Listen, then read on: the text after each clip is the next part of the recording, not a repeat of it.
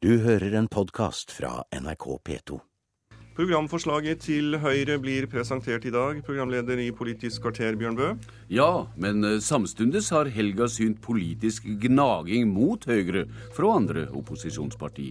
Og som du har vært inne på, dette er en barnehagedag.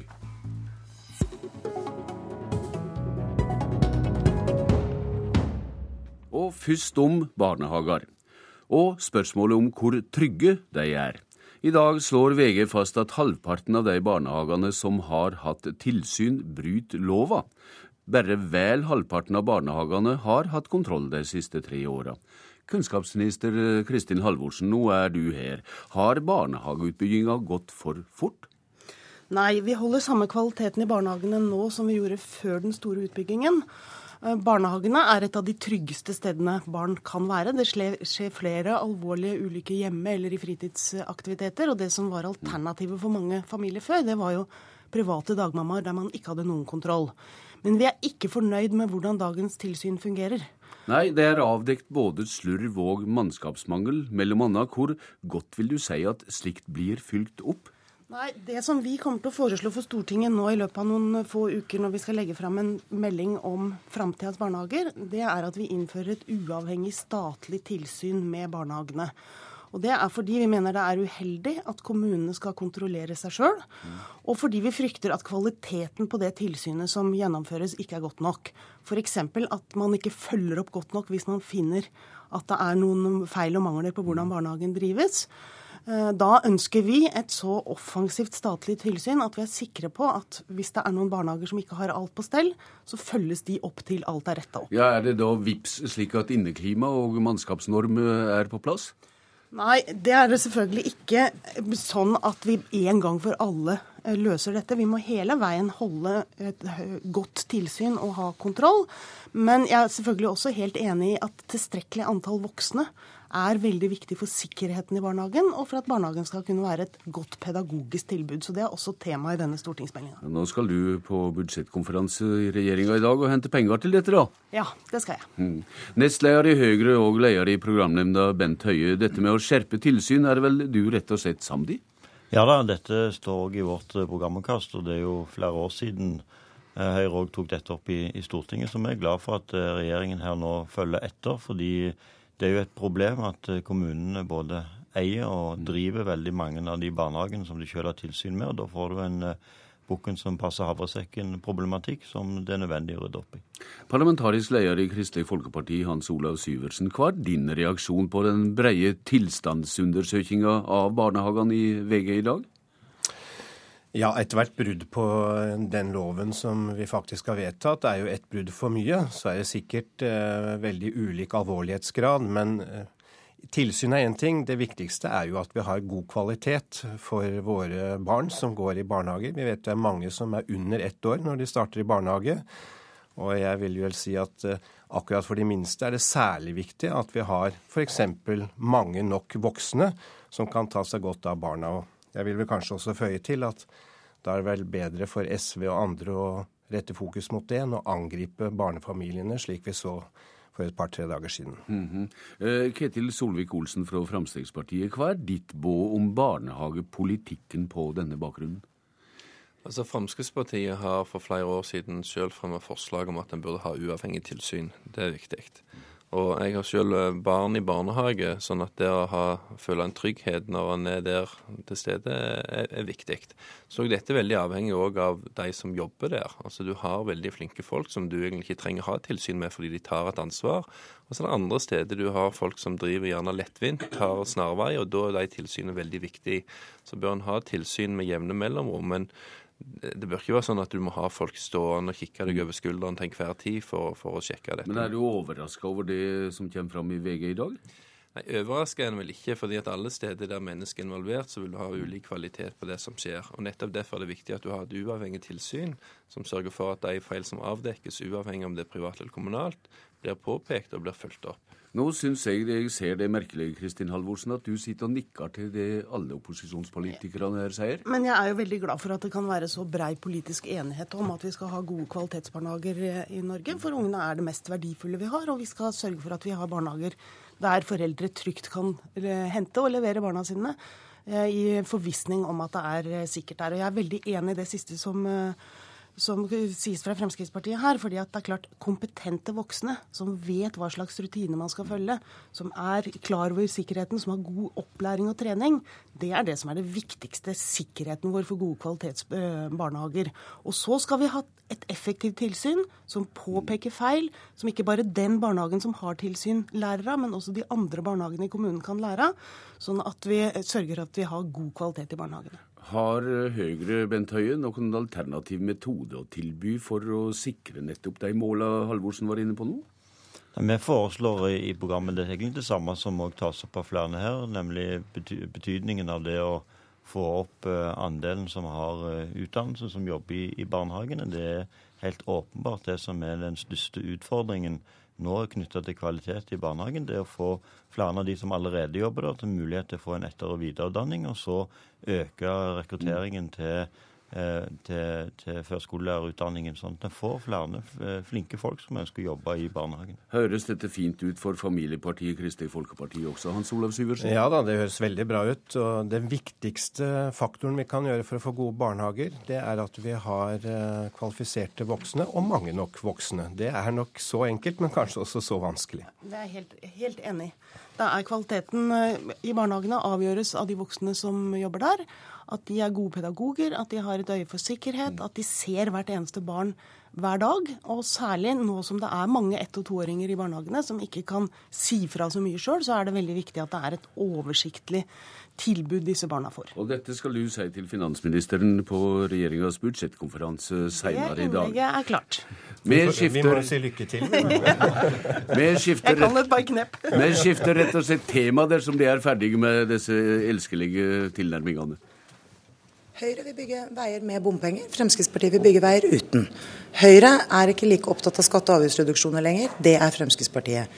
Vi mener at vi skal løse utfordringene i helsevesenet gjennom å betale for behandlinger både hos private og offentlige, mens Høyre egentlig langt på vei lager to køer. Lederen i Fremskrittspartiet lørdag, Siv Jensen, vil syne skiljeliner mellom opposisjonspartiene under kampen om velgerne fram mot valget til høsten. Fremdeles nestleder og leder i programnemnda i Høyre, Bent Høie. I hva mon er denne strategien velkommen for ditt parti? Nei, Det er jo uh, forskjellige partier som, uh, som går på, til valg på ulik politikk, sånn at, at den ulikheten synliggjøres. Det er ikke noe unaturlig. Eh, men eh, jeg syns kanskje at Siv Jensen kunne valgt noen bedre eksempler enn de hun valgte her. Fordi Høyre eh, ønsker jo å bygge mer vei òg med å mm. bruke mer statlige penger enn det ja, Hva slags skilnader er det du vil legge vekt på, da? Nei, altså Det er, er skilnader på andre områder, som f.eks. ulikheten på prioritering når det gjelder kulturpolitikken, ulikt syn når det gjelder bistand og på, an, på andre områder.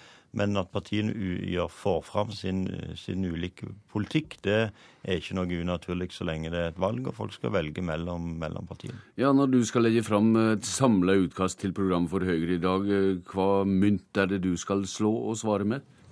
Nei, Jeg er først og fremst opptatt av å få fram det som er Høyre sine løsninger. Så vi kommer til å vise at vi har tenkt å få til en eh, raskere og bedre utbygging av veier gjennom å bruke offentlig-privat samarbeid. Vi kommer til å innføre fritt behandlingsvalg, som ikke kommer til å skape to køer, men nettopp fjerne den rasjoneringen av eh, bruk av ledig kapasitet hos private som, eh, som er i dag.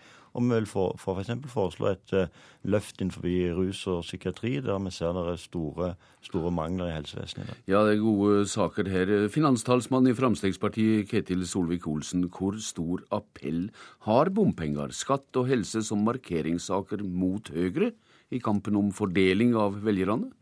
Poenget for oss er jo ikke å markere avstand eller kritisere Høyre i seg sjøl. Nei, men fordeling av velgerne ja, er ikke uinteressant? Nei, den er absolutt ikke uinteressant. Men vi håper jo å appellere til velgere til å stemme Frp fordi at de ønsker Frp-politikk, ikke, ikke fordi at vi skal krangle med Høyre. Vi skal samarbeide godt med Høyre og med KrF i en ny regjering.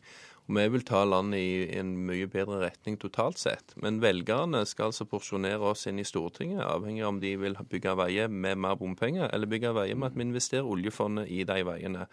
Eh, det samme er når vi skal ta i bruk privat kapasitet. Der kunne du gjort veldig mye. Men du må òg være villig til å øke bevilgningene, sånn at du faktisk får folk ut av sykehuskøene, og ikke bare bruke de samme pengene og fordele de over til privat istedenfor til offentlig. Nå trengs det framstegspolitikk, og da må vi syne at en ikke får det ved å røyste Høyre, sa Siv Jensen lørdag. Det er ikke pusing det legger opp til? Hvis du skal ha Fremskrittspartipolitikk, så må du stemme Fremskrittspartiet. Jeg opplever at det er mange som tror at det er nesten urelevant om du stemmer Frp eller Høyre, fordi at du vil få den samme regjeringen. Men det er jo ikke tilfellet, fordi at det vil være forskjell på om partiene er stort sett like store, eller om det ene er dobbelt så stort som det andre. Eh, Og Derfor eh, kan vi ikke framforhandle en regjeringsplattform på forkant, men vi kan vise tydelig at både Frp og Høyre vil ta i, grad, i, større grad i bruk private helsetjenester i tillegg til det offentlige. Vi vil få en raskere utbygging av vei og jernbane med en ny regjering enn med dagens regjering. Så er spørsmålet hvordan skal du finansiere dette? Skal du la handlingsregelen begrense veiinvesteringer, eller skal vi ha, investere med det på en annen måte? Jeg kommer litt mer inn på det etter hvert, Solvik-Olsen. Men parlamentarisk leder i Kristelig Folkeparti, Hans Olav Syversen. Det vil også ha regjeringsskifte, men både Venstre-lederen og din leder har i helga kritisert Høyres helsepolitikk, mellom anna. Hvordan vil du skildre kampen om opposisjonsvelgerne? Vi er jo fire forskjellige partier, og da tror jeg velgerne forstår at da presenterer man også sitt partis politikk. Og akkurat når vi nå er i en situasjon hvor programmene legges fram, så er ikke det så veldig unaturlig. Mm. Men la meg ta noen eksempler på hvor vi står sammen, som er ganske viktig. Vi snakket veldig om fam fort, ja. familiepolitikk her for litt siden. Vi har altså en barne- og familieminister, ja hun er jo ikke familieminister lenger, for det har de jo skrotet, som altså vil fortelle folk hvordan de skal ordne sine liv. Der har vi et helt annet alternativ. Vi sier at folk må kunne velge uten en sånn oppdragsgiver som Inga Marte Torkelsen presenterer seg som. Så har vi på rusfeltet vi sier at her har vi både private og offentlige tilbud som står med ledig kapasitet. Vi har eh, folk som ønsker behandling og får det ikke pga. måten denne regjeringen holder på.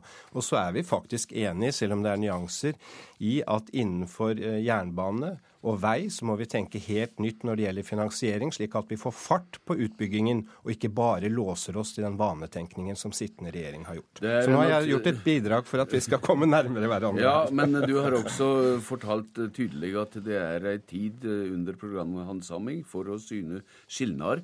Og legger ikke det ballen på lissa til regjeringspartiene ved å syne nettopp spriket i opposisjonspolitikken? Noe, det er ikke noe problem. Når du ser hvordan de tre partiene i mhm. regjering holder på dag ut og dag inn med å fortelle hvor egentlig uenige de er, så tror jeg velgerne ser at dette skal gå veldig greit å få til et regjeringsskifte. I dag samles regjeringa på Torbjørnrud, som vi var inne på tidligere her, for å forberede budsjettet for neste år. Budsjettet det blir lagt grunnlag for nå, det er noe ei eventuell ny regjering må ta stilling til etter valget til høsten. Da blir det fort snakk om oljepengebruk. Det trengs en ny handlingsregel nå, sa Siv Jensen lørdag. Ketil Solvik-Olsen, hva sier du om finansministerens sparepolitikk, som han tydeliggjorde på nytt i går? Vi skal bruke pengene fornuftig, og vi skal føre en ansvarlig økonomisk politikk. Der Fremskrittspartiet er uenig med de andre på Stortinget, det er om du skal ha en handlingsregel som begrenser muligheten til å investere inn i norsk økonomi. Altså bygge ut vei og jernbane, forbedre realkapitalen i dette samfunnet. Da tenker jeg bygningsmasse og forskning. Der bør en satse betydelig mer. En bør òg se om en skal bruke skattesystemet til å stimulere fram et moderat lønnsoppgjør ved at du kan tilby skattelettelser fra myndighetens side, istedenfor at alt må gå med økt lønn via arbeidsgiver. Da konkurrerer du ut norsk næringsliv. Mm. En må òg se på avskrivningsregler for å stimulere investeringer i norsk næringsliv, se på andre deler av beskatning på næringslivet, sånn at en ikke bare sitter og sier at nå mister vi arbeidsplasser fordi det går dårlig i Europa. Vi må se hvordan kan du gjøre norsk næringsliv mer konkurransedyktig ved å bedre rammebetingelsene når det er vanskelig andre steder. Bent Høie, når det eventuelt skal overta Stoltenbergs budsjett i oktober, i hva grad kan Fremskrittspartiets metode for pengebruk og bruk av handlingsregel vinne gjennom da? Ja, Det som vi jo er enige om, er jo mye av det som nå Ketil sa, nemlig å bruke mer av oljeinntektene på å investere for framtiden. Investere i vei. Redusere eh, de særnorske skattene, sånn at vi gir næringslivet vårt bedre muligheter til å trygge nye arbeidsplasser for mm. framtiden og skape de verdiene som vi skal bruke på velferden vår. Mm. Og ikke minst eh, foreta et eh, løft i skole og forskning, for eh, det er der nettopp og, og framtida ligger. Så der er det ja. Eh, enighet om at vi må bruke pengene på en annen måte. Og så ser vi jo at denne regjeringen sannsynligvis kommer til å etterle, gi fra seg en gedigen regning til den neste regjeringen i form av manglende vedlikehold i veier, bygninger, offentlig Men, infrastruktur, men til, som vi må plukke opp. til det gode føremålet, Hans Olav Syversen, da har ikke du bruk for skattelette? Vi er nok ikke så opptatt av det som de andre, men vi er opptatt av en skattelette som gir flere arbeidsplasser, og som kan bidra til en god norsk økonomi. Og der er vi faktisk enige. Der gjorde du en god fresten av. Politisk kvarter er slutt. Takk til dykk. Jeg heter Bjørn Bø. Du har hørt en podkast fra NRK P2.